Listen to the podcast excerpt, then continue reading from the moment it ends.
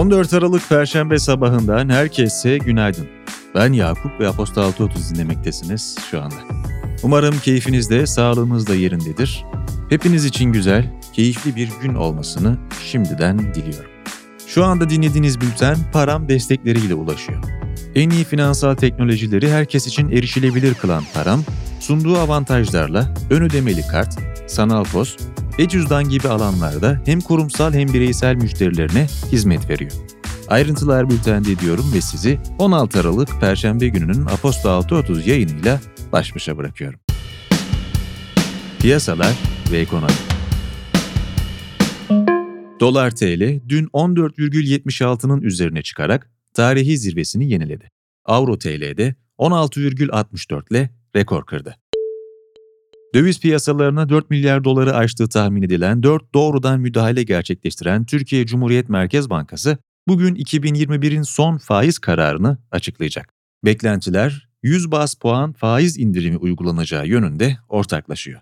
Diğer yandan ABD Merkez Bankası Fed'in varlık alımlarını azaltmayı hızlandırması, daha sıkı bir para politikası uygulamaya geçmesi öngörülüyor. Türkiye İstatistik Kurumu'nun açıkladığı 2020 satın alma gücü paritesine göre kişi başına gayri safi yurt içi hasıla endeks değeri 62 oldu. Avrupa Birliği İstatistik Ofisi'nin 2020 SGP verileri bu değerin Avrupa Birliği ortalamasında 100 olarak belirlendiğini gösterdi. Bu durumda Türkiye'deki satın alma gücü AB sonuçlarının %38 altında kaldı.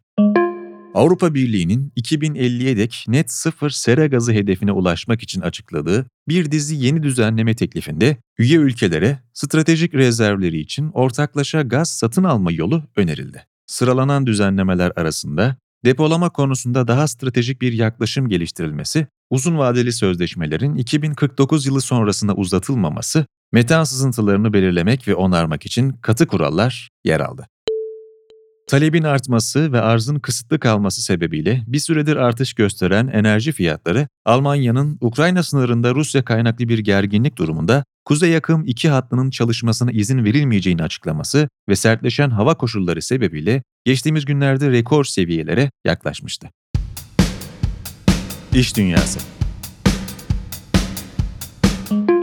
Paris'te bir kişinin ölümüne, 20 kişinin de yaralanmasına yol açan kazanın ardından taksi firması G7, filosundaki Tesla araçların kullanımını soruşturmanın tamamlanmasına kadar askıya aldığını duyurdu.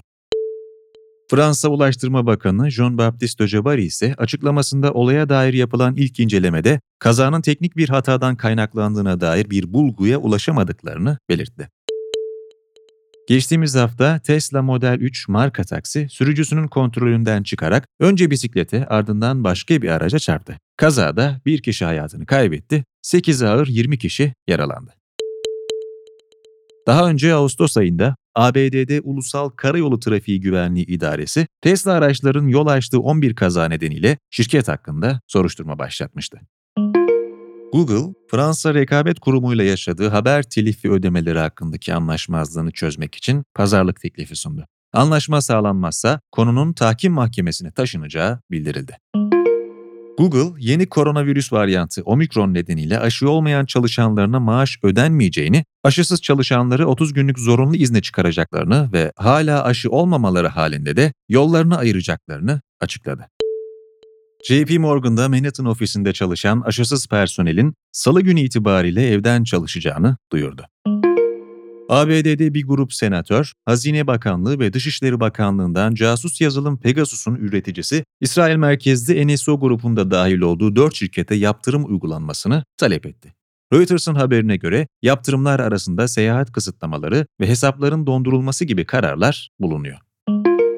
ABD pazarına giren Getir, Chicago ve New York'un ardından Boston'da da hizmet vermeye başladı. Şirketin 3 kıtada ve 9 ülkede faaliyeti bulunuyor. Politika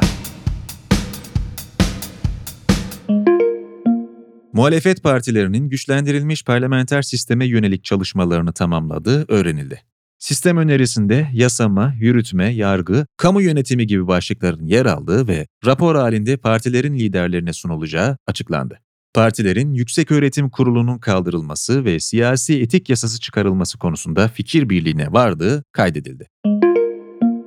AK Parti Genel Başkan Vekili Numan Kurtulmuş, Profesör Doktor İzzet Özgenç'in ağır ekonomik bunalım gerekçe gösterilerek OHAL ilan edilebileceğine ilişkin ifadelerine ekonomik OHAL iddiaları saçma sapan bir iddiadır. Böyle bir şey söz konusu olmaz, düşünülemez. Hiç kimsenin aklından bu geçmesin cevabını verdi.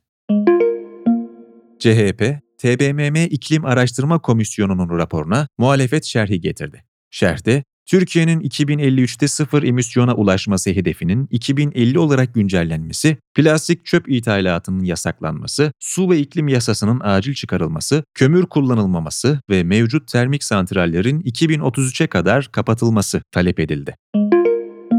Çin Komünist Partisi'nin yabancı sosyal medya fenomenlerini Sincan bölgesindeki insan hakları ihlallerini örtbas etmek için küresel propaganda kampanyasının bir parçası olarak kullandığı iddia edildi.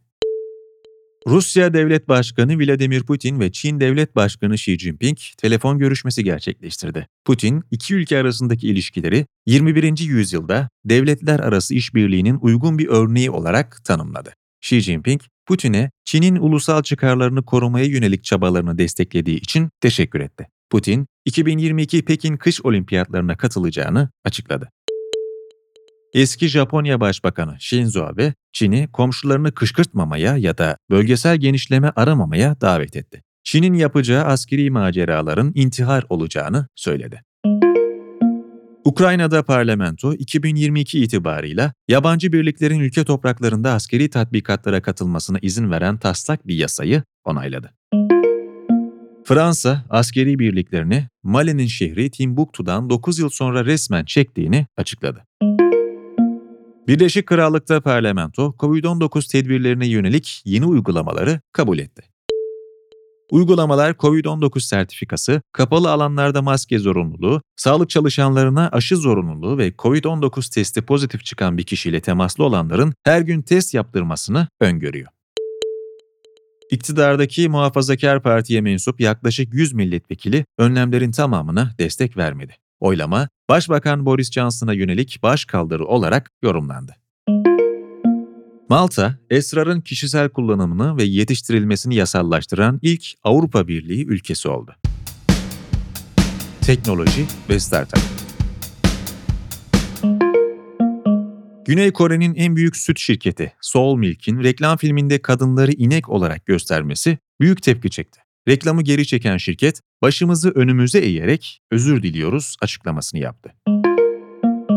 Zoom, Meta ve Microsoft dahil büyük ABD merkezli teknoloji şirketlerinin oluşturduğu Terörle Mücadele için Küresel İnternet Forumlu isimli bir organizasyona katıldı.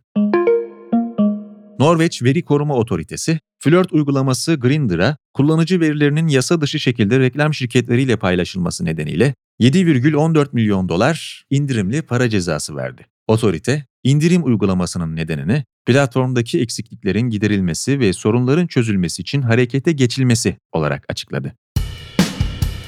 Spor Milli yüzücüler Dünya Yüzme Şampiyonası'nın ikinci gününde 2 gümüş, 3 bronz olmak üzere toplam 5 madalya elde etti. Sergio Agüero, sağlık gerekçeleriyle profesyonel futbolculuk kariyerini 33 yaşında noktaladığını duyurdu. Golden State Warriors'ın oyun kurucusu Stephen Curry, çıktığı 789 karşılaşmada Ray Allen'ın rekorunu kırarak 2977 üçlükle tüm zamanların en çok üçlük atan oyuncusu rekorunun sahibi oldu. Uluslararası Olimpiyat Komitesi Başkanı Thomas Bach, 2022 Pekin Kış Olimpiyatlarına katılan 90 ülkeden çoğunluğun diplomatik boykota katılmadığını duyurdu. ABD, Kanada, Avustralya ve Birleşik Krallığın Çin'deki insan hakları ihlalleri gerekçesiyle olimpiyatlara resmi heyet göndermeyeceği biliniyor.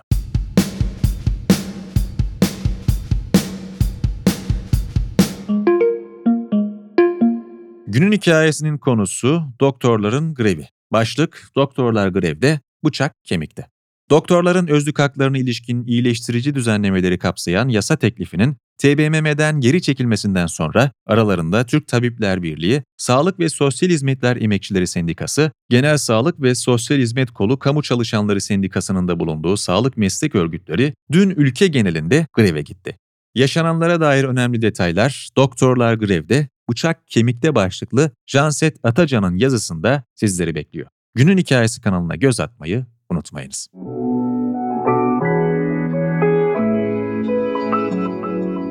Bir yayının daha sonuna geldik. Ben Deniz Yakup. Aslında bu haftalıkta bana ayrılan sürenin sonuna gelmiş bulundum. 16 Aralık Perşembe gününde mikrofonun başındaydım ve dilim döndüğünce detayları sizlerle paylaşmaya çalıştım. Haftaya tekrar aynı günlerde mikrofonda olacağım. O vakte kadar kendinize iyi bakmayı ihmal etmeyin lütfen. Görüşmek üzere, hoşçakalın.